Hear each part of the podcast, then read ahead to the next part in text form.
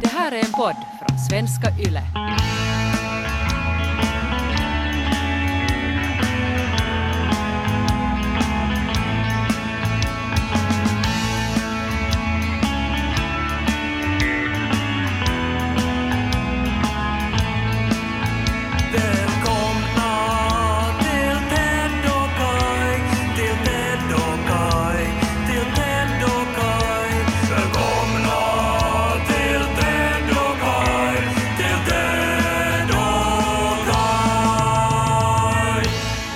Blir ju ödmjuk när man har ansiktsmask inför vad andra har fått utstå i ens närhet i alla dessa år gällande sin egen andedräkt. Just det, ja. Det är ju skrämmande det där. Eh, Jag minns i högstadiet hade vi en lärare som hade en fasansfull andedräkt och han var till och med känd för det här.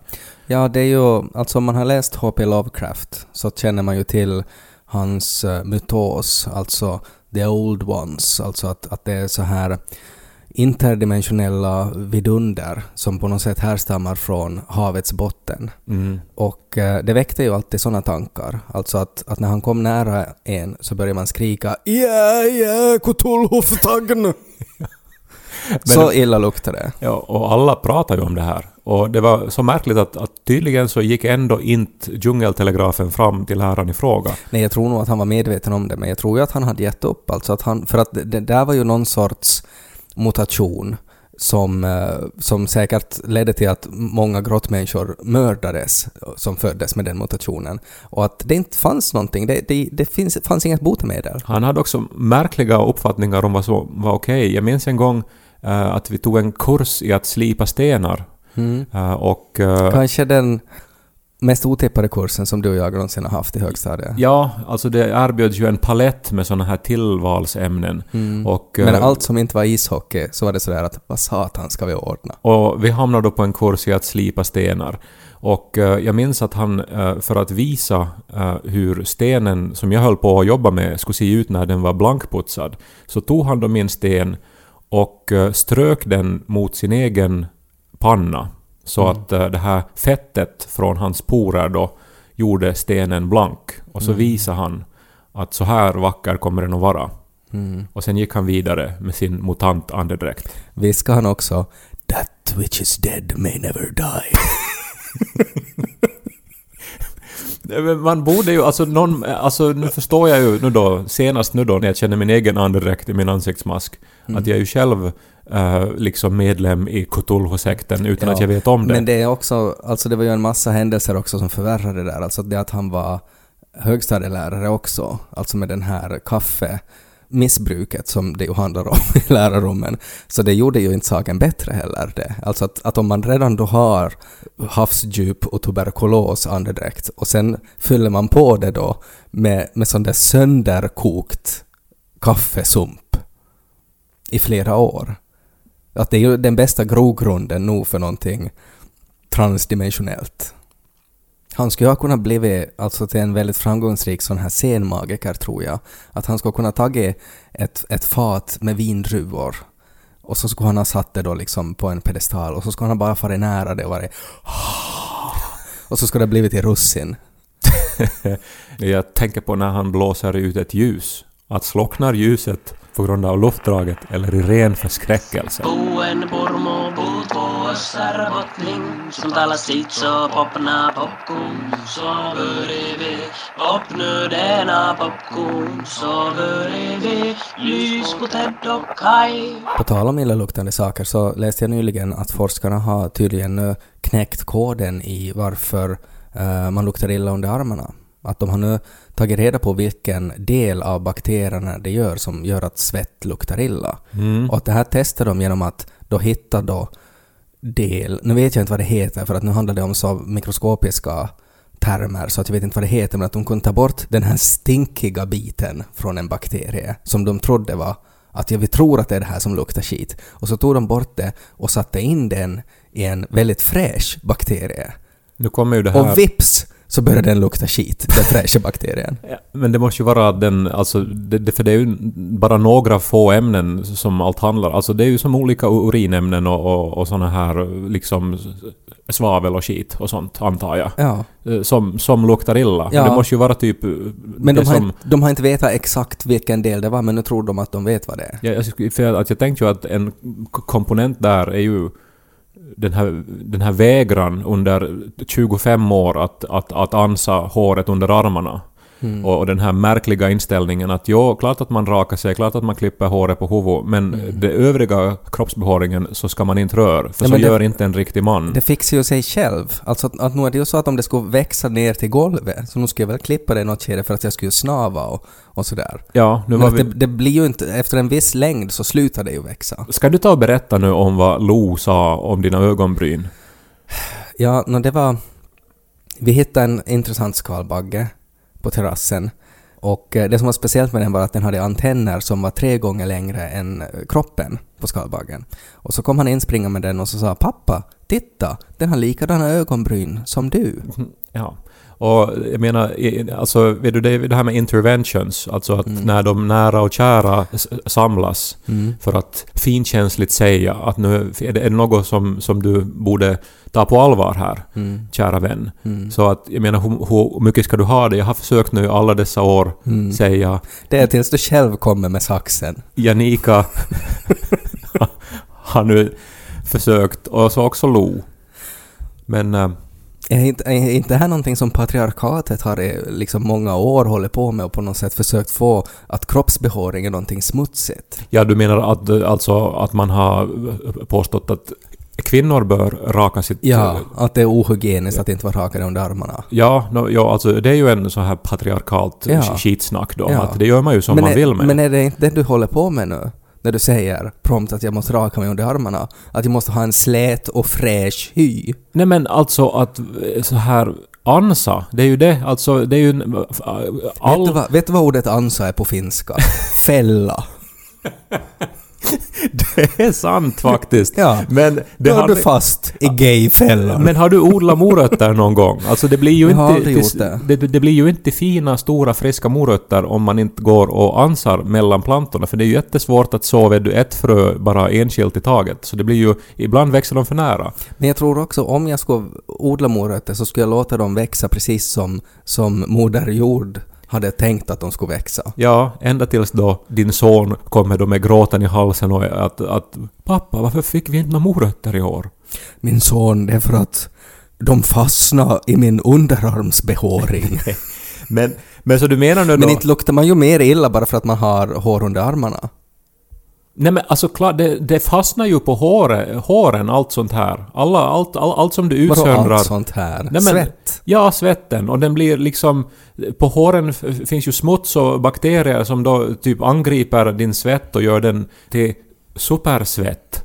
Det tror jag inte på. Plus att det ju ser alltså gro, groteskt ut. Bara när- på sommaren när jag har t-shirt. Men du menar nu då alltså att vetenskapen kommer att lösa ditt problem? Du, Nej, jag tänker bara att det här är första steget. Om de har hittat vilken del av bakterierna det är som luktar illa och att man kan liksom plocka ut den och sätta in den då i icke illadoftande bakterier. Så att det här kommer säkert att revolutionera deodorantbranschen. Jag var igår och köpt parfym åt Janika. Uh, vilket var en intressant upplevelse för att det var en väldigt rysk expedit som pratar väldigt dålig finska. Och jag var ju en väldigt svensk kund som pratade väldigt dålig finska. Så att vi möttes på mitten där. Hon hette Ludmilla. Och vi kom varandra väldigt nära.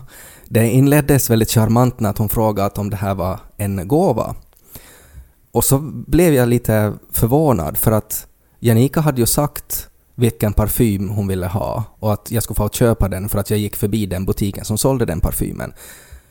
Men det var ju inte en gåva då, liksom, utan att det var ju sådär att hon skulle ha köpt den själv men att jag råkade gå förbi så då kunde jag köpa den. Så då sa jag att nej, det är inte en gåva. Och så sa hon Jaha, så det är åt dig? Och så sa jag nej, det är inte åt mig heller. Och så var hon sådär Nå, hur ska du ha det då? Och så ett ryskt skratt. ja, eh, Och är det var, det var liksom icebreakern. Sen urartade det här och när hon skulle börja med såna där testers, eller samplers, jag kommer inte ihåg vad hon sa, men tydligen är det så att om du köper tillräckligt dyra parfymer så får du gratis parfymer också. Ja, man får såna här inplastade små luktprov som man kan ta hem och liksom... Ja. Och det, det, testa. här, det var helt nytt för mig, det visste jag inte. Men att då började hon titta på mig, för att hon förklarade då eh, efter den här i- intressanta ordväxlingen i början så sa hon att, att visste du inte att den här parfymen är unisex? Att det var inte så crazy att den skulle ha varit åt mig. Men hon var ju otroligt inkluderande och så här Jo, medveten om... Hon var jätte, hon var otroligt bra. Eh, och eh, då började hon titta på mig och sa att jag, jag tror jag vet vad som skulle passa dig. Och så tittade hon på mig och så här att hon tittade mig och så tittade hon ner och så tittade hon upp. Och sen så hänvisar hon dig till så här power tools-avdelningen för din, dina ögonbryn och... Och så tog hon fram då en parfym och, och sprayade på ett papper och sa att lukta på det här.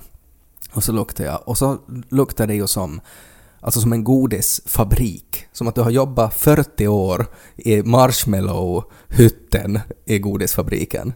Alltså, och då har jag ingenting emot liksom söta grejer, men att det där var riktigt sådär att, att det blev så här, direkt man luktar på det. Men som så här stereotypt alltså en 13-årig tjej skulle Ja, ha så ungefär. här liksom bubbelgum. Ja, och då, det tolkar jag ju direkt att, att hon valde det för att jag hade på mig en rosa t-shirt.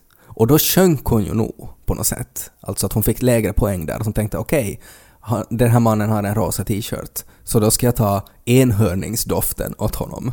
Och då skakade jag på huvudet. Men hon la väl liksom ihop två och två här nu då? Eller som, alltså allt vad hon kunde utlösa då?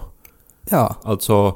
eh, så armhår plus rosa t-shirt är lika med... plus att du skulle ha den där unisex-doften till dig själv. Ja. Det finns ju, vet du, alltså du känner ju till björnkulturen alltså inom gayvärlden. Ja, det är, väl, det är väl den kulturen jag ska tillhöra. Ja, du, du är ju där då. Ja. Eh, så att, eh, men jag kan omöjligt ändå tro att hon associerar så. Mm, Men inte skulle man väl, även om jag skulle vara då en björn i gayvärlden, så inte skulle, jag väl, inte skulle det väl funka om jag skulle liksom lukta slickepinne. Nej, då ska du nog liksom dofta helst liksom läder och Ja, men för sen cigarr. när, när jag sen sa då att det här är, det här är lite för, för, för sött, och så sa hon då ”Jo, taitelainen”, eh, som är väl fyllig då. Och så ville jag egentligen säga att nej, den är söt, sliskig, men jag visste inte vad det var på finska. Eh, så då gav hon mig en annan doft. Och så doftade jag på den, och så var den ganska söt, men inte riktigt lika söt, och så kände jag igen den, och så sa jag ”Ja, ah, persika”. Och så sa hon ”Ej, ej, ej, ej, naka”. och så sa jag ”Nej men det här luktar ju persika”. Och så sa hon ”Nej, det är läder”. Okej. Och då, då, slut, då tog det liksom slut, alltså att jag vet inte vad som var fel där, för att det var liksom helt tydligt det här doftar persika. Och hon sa nej, det doftar läder. Hon till och med tog och snusade på det själv och var såhär, naka. Och då tänkte hon liksom, i hennes värld då, att okej, det var inte enhörning, det funkar inte, så då går jag helt liksom motsatt då, till lädervärlden. Men det doftar inte, utan det doftar persika. Och sen blev det bara väldigt konstigt, för att vad var liksom problemet där? Att, hade hon inget doftsinne? Eller har jag på något sätt i hela mitt liv blandat på doften av persika och läder? Nu skulle jag ju så gärna vilja känna den här doften. Jag har ju hemma en läderparfym som jag äh, stal eh, från... Eh, eller det, det var en lång historia, men jag var på en sån här fest med parfymören Max Pertula. Ja, Och, jag eh, tror du har berättat det. Ja, och sen så, så, så fick Så man här... stal du, for du in på vässan, öppnade hans medicinskåp och stal hans parfym? Nej, men alla fick goodiebags därifrån. Ja. Och i dem så fanns det då uh, såna här små flaskor då med eh, hans eh, parfymer som han då själv har skapat. Och det fanns olika såna. Och jag ville ju ha dem allihopa. Så att när ingen såg på, och jag hade väl nog druckit lite gratis martini också, så, så gick jag liksom och stal... eh, Från så- andras goodiebags? Ja, så att jag hade då liksom alla tre. Och det, det har jag använt då med dåligt samvete ända sedan dess. Och så att jag vet ju nog hur, hur, hur läder doftar och jag håller nog med om att det finns ju ingenting persikoaktigt i det hela. Så hon var egentligen inte så bra då, den här expediten. För att sen blev det så här konstig stämning sen, och sen så skulle hon ha någon annan testa. och så, Men, men, men hon sa inte nektarin istället för nahka? Ja, du, Nej.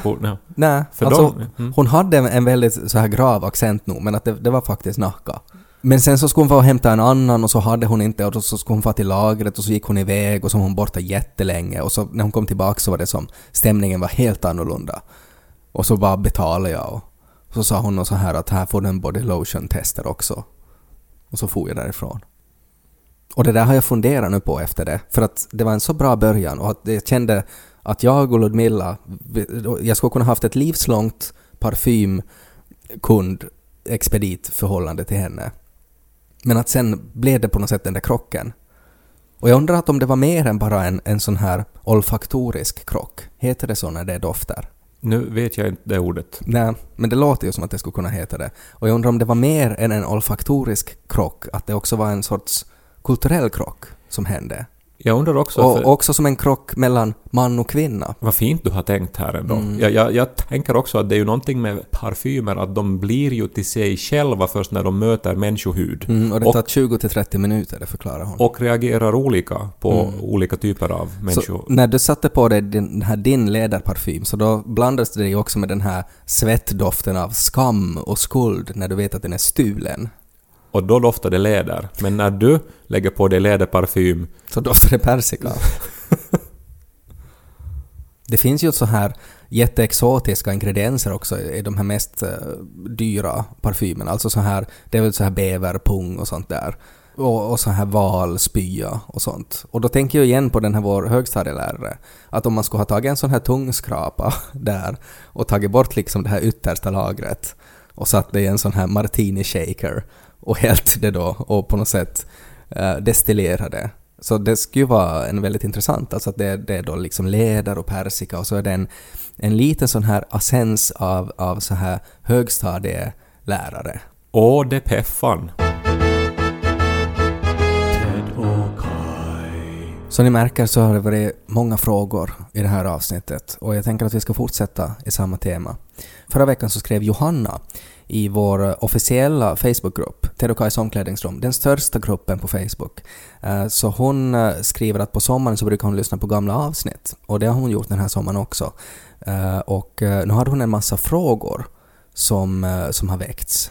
Ja, jag blev ju väldigt glad när jag läste det här. Eh, också överraskad. För det här vi håller på med är ju något sån här... Ett flöde och ett samtal så här som bara eh, skiftar från vecka till vecka. Och vi Ja. har hållit på nu i snart fem år. Ja, Och eh, det, det har ju blivit massa saker vi har pratat om. Och själva så måste jag ju, åtminstone för min egen del, erkänna att jag ju ofta glömmer sen mm, vad som har hänt i livet och vad man har pratat om. mm. Så att sen nu då bli påmind om, om vissa saker från de gångna åren så var väldigt så här... Jag vet inte, det var som att se ett fotoalbum ungefär. Ja, och lite sådär, aj jo, jo, det där var ju en grej. Eh, men vi kan ju beta av den här listan och så kan vi se.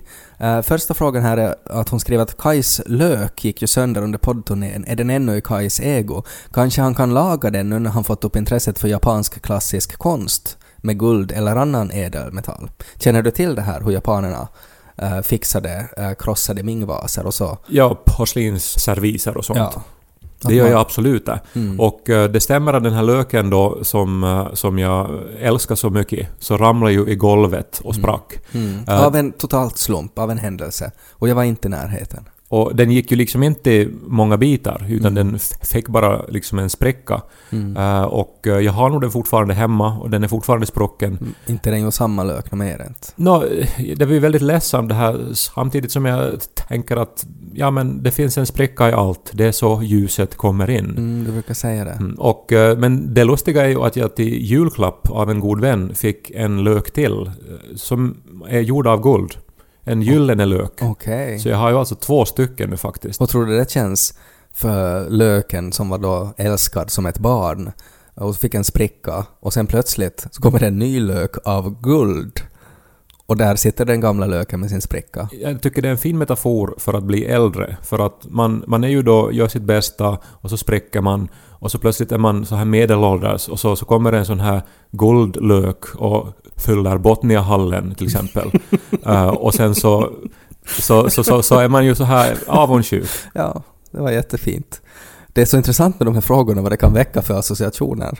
Ehm, nästa fråga är att hänger Mona Lisa ännu på en vägg i Esse? Och nu måste vi väl poängtera här att det är inte den riktiga Mona Lisa, utan det, det är då Kajs mamma som, eh, som när Kaja en gång skrek åt henne att, att hon måste för fan skaffa lite konst i sitt hem och så får hon då, tycker jag, som en protest och köpte Mona Lisa då som hon hängde i ditt gamla rum. Och frågan är nu att hänger den här kopian fortfarande kvar? Svaret är, nej. Det här, mamma hörde ju den här diskussionen då som vi hade om Mona Lisa. Hon lyssnar ju på podden i TVn, vilket ju är inte portabelt, men ändå tydligen möjligt. Ja. Yle är ett högteknologiskt företag. Och eh, det här, eh, efter att vi hade den här diskussionen då, så då blev hon väldigt på något sätt medveten om att det då var på något sätt lite lustigt eller lite konstigt att ha Mona Lisa på väggen. Så hon bytte ut de, den här tavlan då. Eh, Hon behöll ramen, men istället så satte hon in ett collage med bilder på mig. Och där, där finns då bilder från när jag eh, uppträder på olika bibliotek. Så, så finns där en affisch f- föreställande mig där det står “Författarbesök ikväll”. Och sen finns där en bild på min rygg när jag tar emot blommor från Märta Tikkanen. Alltså det, det är ett så här märkligt collage. Alltså hon har klippt ut från tidningar och, och, och så här scrapbookat ihop en tavla om dig. Ja, och och jag, och jag vet inte hur jag ska tolka det, men det hänger alltid där då när jag övernattar, så då, då finns där en massa bilder på mig. Och, Mm. Men det är ju lite roligt att det är liksom författarbesök då, när sonen kommer hem och Ja, alltså där tror jag finns humor eller någon, eh, någonting sånt här att om jag nu då kritiserar hennes val av konst då, Mm, så, du, nu måste du kritisera dig själv. Det är ju otroligt intelligent. Hon hittade det enda du inte kunde kritisera. kanske hon är, hon är, hon är liksom sån här mastermind Ja. i psykologi liksom. Ja. Men ja, så att eh, Mona Lisa finns inte faktiskt kvar längre. Sen kom frågan att om Nico ännu säger faktiskt mycket, och det svarar han på själv i den här tråden. Han skrev att jag använder fortfarande ordet faktiskt för mycket. Guilty. Och sen en emoji som jag har svårt att bedöma. Alltså vad det betyder, för att det är en sån bild av en man som har handen ut som att han håller i någonting osynligt. Ja, det är ju den här gay-gesten liksom. Guilty! Så liksom Ah, det vinklar det? man sin... Alltså man pöjer handleden väldigt så här Jaha. så långt det bara går. Okej. Då, då, då är det med någonting. Jag trodde att det var så att man höll upp en liten osynlig sak. Ja, men det där handlar ju alltså om då att när Niko, som ju då när vi träffades eh, inte var så jättebra på svenska, men som idag i princip är tvåspråkig, har lärt sig jättebra svenska, men under processens gång så finns det vissa ord som han har använt jättemycket, eh, och ett av dem då var faktiskt. Och han sa det hela tiden också när vi var ute på stan och det var många som, som såg märkligt på honom, till exempel i affärer och så här. Och sen så insåg jag då, som vi diskuterade då för jättemånga avsnitt sen, att faktiskt ju låter som 'fuck this'. Så att jag kan tänka mig att många då tror att han gick omkring och bara Han bara hajstat till allt vad han såg. Men det där är ju roligt alltså med, med språk. Till exempel nu var mina föräldrar på besök i helgen och eh, vi gick omkring på stan och vi satt på, på Senatstorget på den här underbara uteserveringen som finns där. Och eh, Niko pratade med dem också. Och eh, sen efteråt så frågade jag då Niko då att "Nå, men att vad pratar ni om? Och, och, och så sa han nu då att ja, det handlar nu om så här om, om mammas hallonbuskar och så vidare. Men att också att tydligen nu då så, så har hon en massa issues med att, med att, eh, med att eh, gå, gå ut och gå. Jaha. Att hon vill inte liksom få gå längre. Jaha. För att hon har issues med det. Jaha. Och eh, hon vill inte gå i trappor heller, sa han. För att hon har issues. Jag tänkte, men Okej. vad är det här nu då? Alltså att Ja. har, har mamma något liksom rädsla nu då Ja, för att gå hemifrån eller någonting? Ja. Så att det här var som en överraskning. Mm. Men sen klarnade det ju i något skede då att mamma har ju issues. Och att det var förmodligen det som, Ja. som, som Niko inte, inte helt hade uppfattat då. Men såna, så, så, så, det är ju underbart med liksom två språk i vardagen och så vidare. Mm. F- äh, fortsätter faktiskt här om din mamma ännu, för att det är mycket frågor om din mamma. Uh, har Kajs mamma kommit över sin potatisångest? Ja, hon odlar hallon nu för tiden. Ja. Och det är ju ett tecken på att hon har kanske kommit över det. Eller att den har blivit så stark att hon måste byta, byta grej helt enkelt. Mamma hade ju med sig, nu då när hon hälsade på här, så hade hon med sig en, en säck med potatis Mm. som, som vi fick som, som gåva att göra. Mm. Ja. Så att nu finns det ju kvar den här eh, åsikten om Mm. att potatis är det finaste. Hon har en potatis-issues också. Potatis issues. Sen är nästa fråga att om eh, anarkist äter Ted ännu syltlök. Eh, det gjorde jag ju i något skede för att jag, eh, jag har ju opererat bort min galla i något skede och det som triggade eh, de här attackerna mest var just syltlök. Att om jag åt det så, så skulle jag få jätteont, visste jag. Och det är nog faktiskt jättelänge sedan jag har gjort det. Att det var nog, jag hade säkert någon sorts självdestruktiv fas när jag bara såg syltlök och åt dem och visste att jag skulle få ont. Men det här handlar väl inte om själva syltlöken utan om att det var picklat och att Ja. det var, hade det här ättikan och, och Mm, grejer. Men lök är också, alltså att, att lök är, det är inte gallvänlig mat det heller. Men och inte heller picklad. Så att det där är liksom det ultimata testet att det är både picklat och att det är lök. Så det är liksom det, det, det, är det värsta du kan äta om du har problem med gallan. Det, det ultimata hy- hypokondrikertestet måste ju vara det här att man efter att man har opererat bort gallan ändå har ont i gallan. Ja men det funkar så för att det finns ännu gallgångar kvar någonstans i kroppen som man kan få ont i. Det är jättedumt att du opererar bort ett organ för att det tar så sjukt men du har ännu ont. Tänk att du opererar bort gallan men vägrar klippa bort håret under armarna. Uh, sen är nästa fråga, kom det någon klarhet i vem Revenant Hesso egentligen är? Och det här är ju för ett länge sedan, alltså ett avsnitt, så, så hade jag en, en, en dröm helt enkelt, där jag såg väldigt tydligt, alltså jag drömmer väldigt visuellt, alltså att jag minns, jag minns inte alltid vad som hände men jag minns hur det såg ut. Uh, och att jag minns att i något skede där i den här drömmen så var det som att det pausades. Uh, och så, så stod det, alltså som, som i ett spel ungefär, så stod det alltså med så här pixlad font You've been fucked by Revenant Hesso. Och så var det som en pixlad långben som såg arg ut. Uh, för, för Hesso är då finska namnet för långben. Och, uh, och det var ju en väldigt hemsk dröm på något sätt, alltså för att det kändes... Det, det, jag fick liksom känslan av att någon hackade sig in i min dröm och har nu liksom på något sätt satt någon sorts förbannelse på mig att jag har blivit fucked by Revenant Hesso. Och att lycka till att bli unfucked av Revenant Hesso. Men eh, för att svara på frågan då så, så har det inte alltså utvecklats alltså i andra drömmar nu Nej, då? nej, det, har, det har, jag har inte... Det var, var bara den här ena gången eh, och eh, jag har aldrig stött på det tidigare. Jag, jag vet fortfarande inte vem Revenant Hesso är. Att det är fortfarande kanske mitt livs största mysterium. Alltså det finns ju du nära döden upplevelser och så här människor som berättar vad som händer när man dör. Mm. eh, i, eller ögonblicken kring att man då går över gränsen. Ja, det är så här ljusa tunnlar och sånt där. Och, och det vä- värsta skulle ju vara om det skulle bli en sån här liksom screen då, Mm. där, där det står att nu är det liksom över, came over och att det var den här typen Det som står... orsakade. Det, det, det, det står game over, så finns det new game eller continue. Och så ska man ta på continue men det är så här utgråat, du kan inte välja det. Och så ska man ta new game och så går det inte att välja det heller. Och så kommer Hesso upp i hörnet. uh, uh, you've been fucked by Revenant Hesso. Nästa fråga är vad hände med Los arga spöken i den gamla lägenheten? Jag frågade här av honom men det var lite oklart. Lo, kommer du ihåg eh, på gamla hemmet så sa du någon gång att det var arga spöken. Jag vet inte alls vad jag babblar om.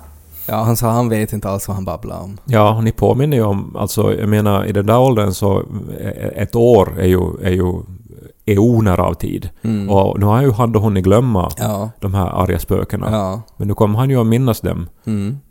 Så att... Tänk om det går, om Revenant Hesso går i arv. Att han kommer också att börja drömma om, om Revenant Hesso. Jag frågade också honom för att en, nästa fråga var att ha, har Lo lärt sig skillnaden på avokadon och geparder? Lo, hur var det? Uh, vad var en gepard? En sån där snabb djur. Ja, men hur ser den ut? Prickig Ja, och gul. ja. Och vad är en avokado då? En frukt. Hur ser den ut då? Grön. Ja. Precis så är det. Han har ju koll. Stenkoll som jo, det heter. där är det inga problem. Mm. Det, det, någonting har liksom sjunkit in åtminstone.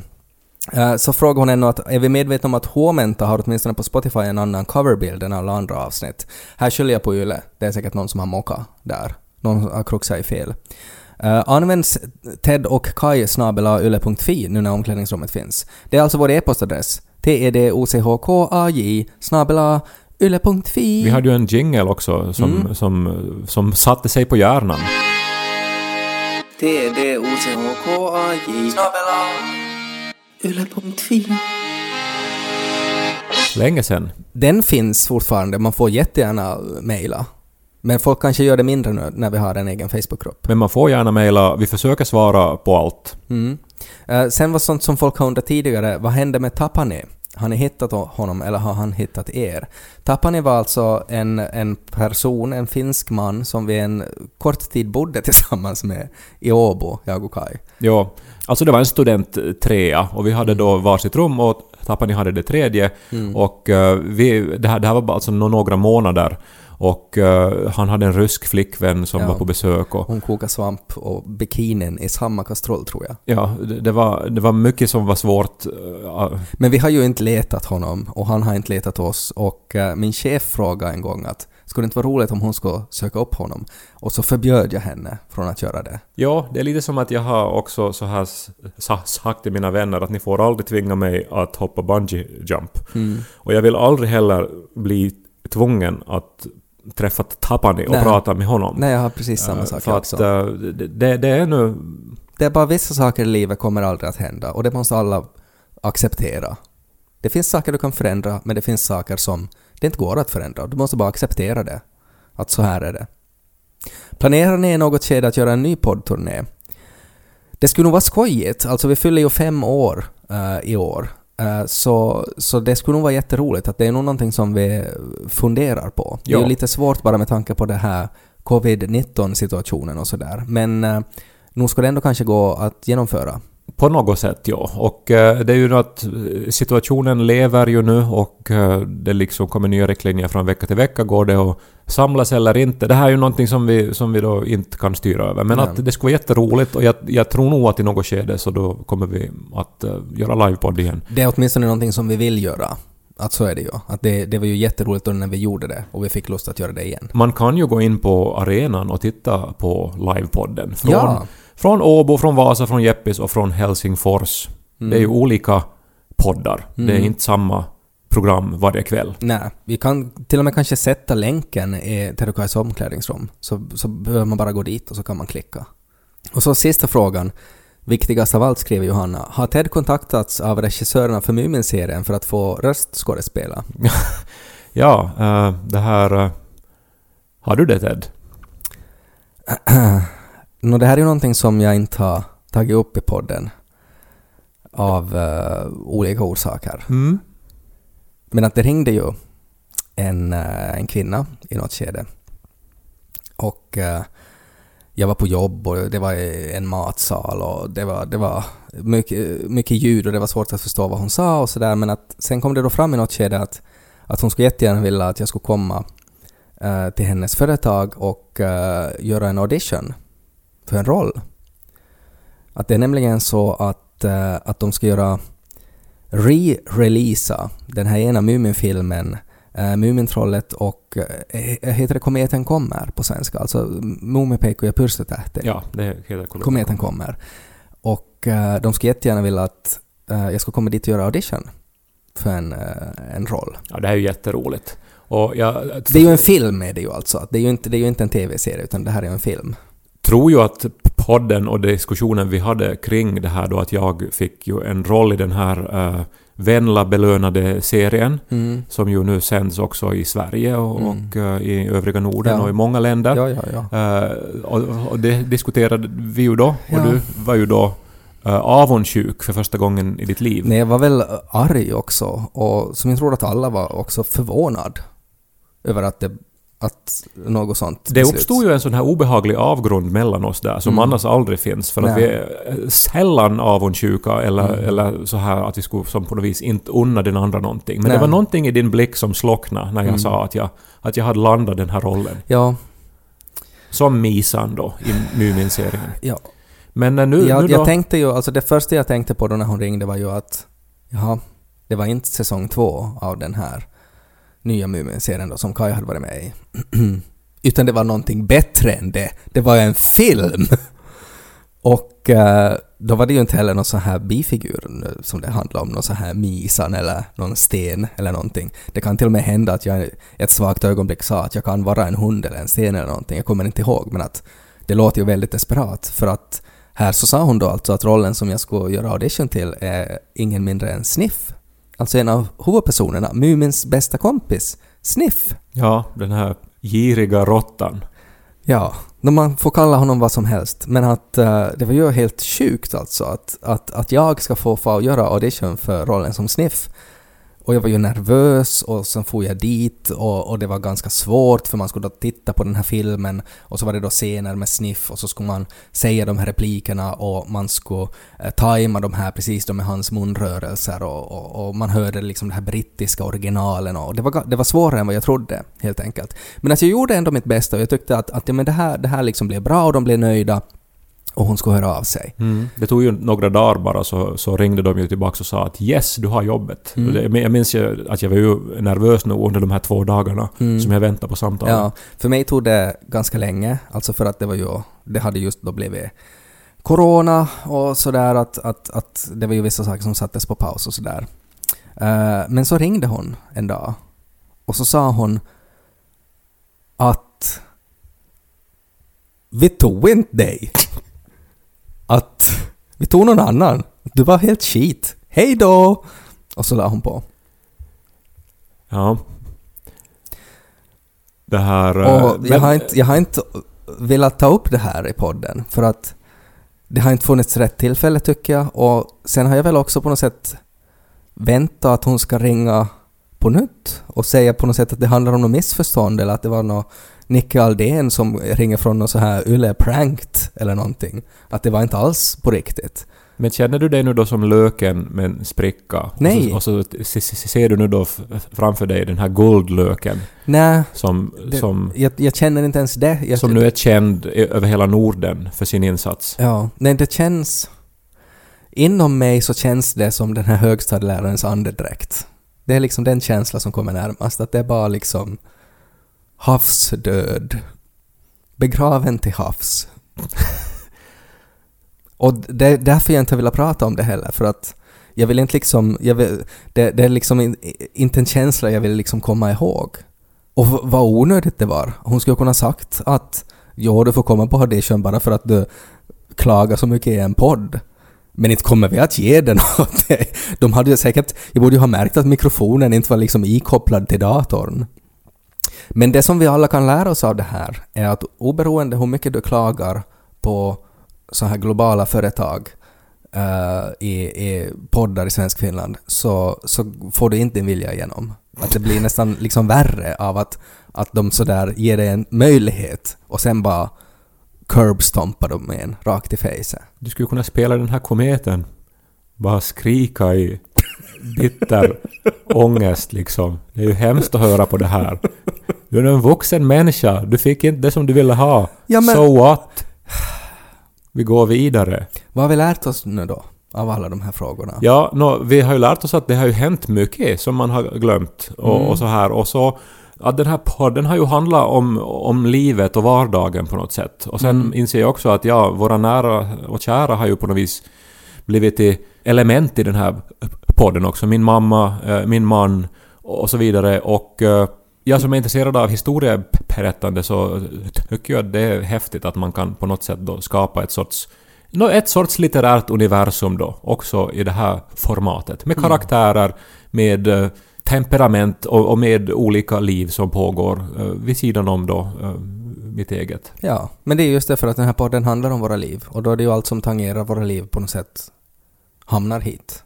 Att allt från Ludmilla till uh, högstadielärare till dåliga röstskådespelarfirmor. Det var ju för att jag hade samma röst som i Mumin visar allt. Jag tänker mig också att var det inte du som i Mumin visar allt spelade Hemulen som körde över Sniff med en sportbil? Ja, det, det var väl det. Och nu kom straffet. You've been fucked by Tove Jansson.